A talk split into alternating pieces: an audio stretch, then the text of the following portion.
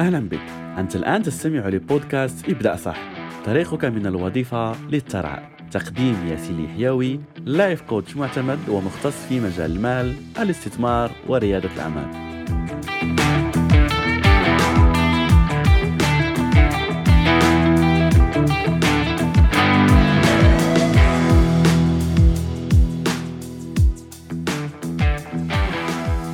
هل تريد جمع مال أكثر؟ هل سبق وجربت الادخار ولكنك لم تنجح؟ إن كانت إجابتك بنعم على أحد هذه الأسئلة أو تريد تعلم كيف تبدأ الادخار ففي هذا الفيديو سأشارك معك خمس خطوات إن طبقتها فأنا أعدك أنك ستبدأ في الادخار ورصيدك البنكي سيزيد بصورة غير مسبوقة أول شيء سنتكلم عنه وهو خطأ يقع في أغلب أغلب الناس في موضوع الادخار هو أن تجد شخص سواء جرب آه، الادخار في فترة من فترات حياته ولم ينجح أو شخص يريد أن يبدأ الادخار لأول مرة وتجده يعني يرى مصروفاته يعني يحصل على دخل سواء من العمل أو من مشروعه الخاص فيرى مصروفاته الشهرية ويكون غير راضي ومستاء عن وضعه المالي فيريد أن يحسن من يعني من تسييره للأموال. فأول فكرة تطرح في عقله هي أن أبدأ في الادخار بنسبة مثلا سيقول لك سأبدأ في ادخار نصف المبل... نصف الراتب 40% من الراتب ثلث الراتب. كل هذا بدون دراسة بدون وعي فقط فكرة يطلقها لكي لا يقوم بلوم نفسه أو لكي يعالج هذا المشكل الذي عنده في في طريقة الصرف. فيطلق هذه النية آه، عفوا يطلق هذه النية بدون وعي. الغرض هنا هو أن هذه كما ذكرت هذه النسبة غير مدروسة. فالنسبة التي ينصح بها كل الخبراء أو التي أنصحك بها أن تبدأ بها هي نسبة 10% فالنسبة ممكن تبدأ تذهب يعني ل 20 30% على حسب كل شخص على حسب مستوى معيشتك على حسب الصدر اللي عندك على حسب المسؤوليات والالتزامات اللي عندك. ولكن أول نسبة يمكن أن تبدأ بها والتي يجب أن تكون في المتناول هي 10% فخليك فاكر دائما أن الادخار هو عادة وأي عادة يجي يعني تريد أن تدخلها لحياتك فيجب أن تبدأ فيها بالتدريج ابدأ بشيء قليل وبعدها حسن في هذه النسبة. فتخيل معي أن شخص يذهب للجيم لأول مرة. وتجده يدخل الجيم ويقول لك سأذهب بعمل آه، تمارين مثلا ب 100 كيلو أو 70 كيلو أو 40 كيلو فأكيد لن يستطيع أو سيقوم بالتدرب لمدة سبع أيام آه، أسبوعين وبعدها سيعود للمنزل ويقول لك آه الجيم ليس لي. أو هذا نفس الأمر يقع في, في الادخار. يطرح يعني يقول لك الشخص أنه سيقوم بادخار 50% من الراتب. يجرب الشهر الأول الشهر الثاني تجده لا يستطيع ويقول لك آه جربت الادخار ولكن لم أستطع لأن الهدف الأول لم يكن واقعي. ثاني شيء سنتكلم عنه وهو موضوع النية. وهذا أمر جد جد مهم في أي شيء تقوم به في حياتك و آه، يعني شخصيا. شكل فارق كبير في حياتي وهو أن تكون لك نية في أي شيء تقوم به. ففي موضوع الادخار يجب أن تحدد حددت نسبة 10 أو 20 أو 15% من الراتب ستضعها في موضوع الادخار. يجب أن تقول أن هذا المبلغ بعد أربع شهور بعد ست شهور بعد سنة ماذا سأقوم به؟ ما هي النية من وراء هذا الادخار؟ أغلب النية والنية التي ينصح بها كذلك هي نية الادخار بنيه عفوا الادخار بنية الاستثمار. الاستثمار ممكن يكون في مشروع خاص في مجال الاسهم في مجال العقارات في عديد من الأمور. أو ممكن يعني أشخاص آخرون يريد أن يدخر لشراء سيارة يريد أن يدخر للزواج لشراء آه، كمبيوتر لشراء هاتف. المهم هو أن تكون عندك نية واضحة ومحددة يعني بتاريخ لكي تبدأ يعني بالادخار بطريقة سليمة. ثالث أمر سنتكلم عنه بعد النية هو الحافز. لماذا؟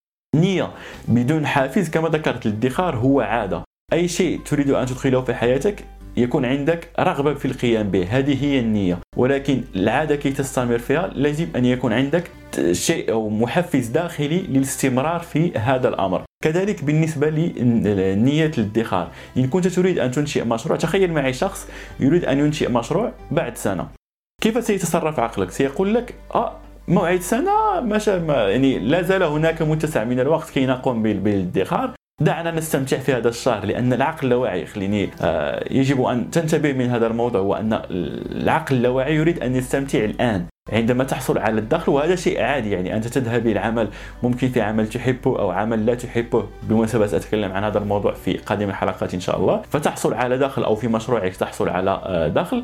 فهذا الدخل أنا أريد أن استمتع, أستمتع به. فعقلك اللاواعي يقول لك استمتع به الآن. لماذا ننتظر سنة كي ننشئ المشروع ونستمتع بعدها؟ استمتع به الآن. بدون حافز ستذهب وراء هذه الأفكار وستستمتع الآن وتاتي تأتي بعد ثلاث أربع شهور وتجد أنك لم تلتزم بالنسبة أو بالأمر الذي كنت وضعه من أجل الادخار فلازم يكون عندك حافز قوي. تخيل شخص يريد أن ينشئ مشروع لأنه عارف أو طردوه مثلا من العمل وأخبره أنه سيكون بلا عمل بعد ست شهور. فأكيد هذا الشخص سواء سيبدأ في الادخار لأنه لا يعرف ان كان سيجد عمل أم لا.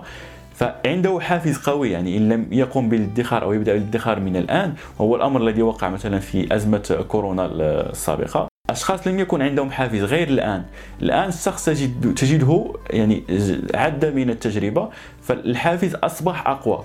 فالحافز صراحة على حسب كل شخص. أريدك أن تجلس مع نفسك وتبحث عن حافز يجعلك تستمر في موضوع الدخل شهريا وليس فقط في شهر واحد. بالنسبة لموضوع أو النقطة الرابعة فهو أول شيء ومن بين الأمور التي تفرق ما بين العقلية الغنية والعقلية الفقيرة هي أن العقلية الفقيرة يعني يعطي المال لكل الناس وبعدها يعطي لنفسه عكس العقلية الغنية. العقلية الغنية يعطي المال لنفسه أولا وبعدها باقي الأشخاص. بمعنى العقلية الغنية عندما يحصل على الدخل أول شيء يقوم به هي الادخار لأن الادخار لك من لأجل هدف لأجل مشروع لأجل تحقيق الحرية المالية لأن هو هدف بالنسبة لك. فأول شيء يجب أن تقوم به هو أن تأخذ هذه النسبة حددت 10% عندما يعني آه، تحصل على الدخل.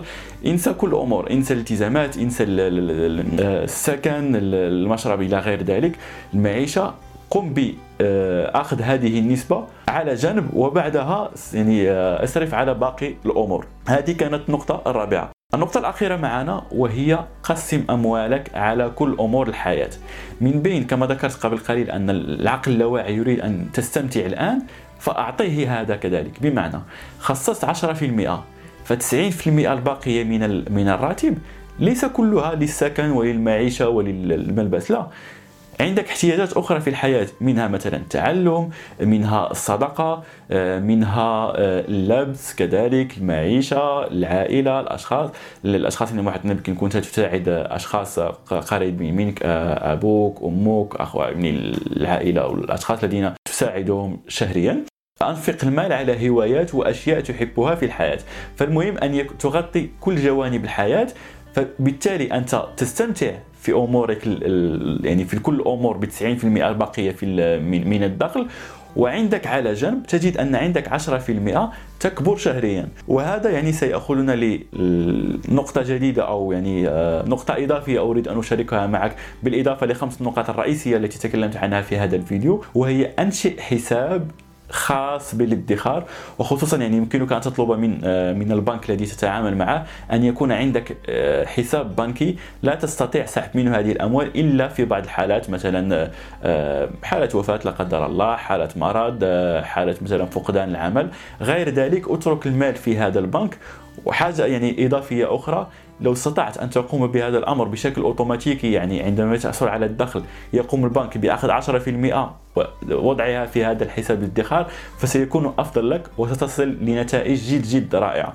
هذه يعني آه، أتمنى أن تكون استفدت من هذا الفيديو وأن تبدأ الآن. باخذ الخطوات اللازمة اذهب للبنك وأنشئ حساب الادخار. من الآن وإن لم تستطع ذلك فيمكنك عمل أخذ يعني علبة في المنزل تضع فيها بعد يعني تضع فيها هذه 10% حد حدد النسبة التي تريد أن تدخرها وابدأ من الآن. لا تنسى أن تضع لايك وتشارك هذا الفيديو مع شخص أو الأشخاص الذين تريد أن تساعدهم وترى أن هذا الفيديو ممكن أن يكون مفيد لهم. كما أفادك إن أفادك بطبيعة الحال. لا تنسى أن تشترك في القناة لكي يصلك باقي الحلقات. وأراك في الحلقة القادمة إن شاء الله. شكرا لك.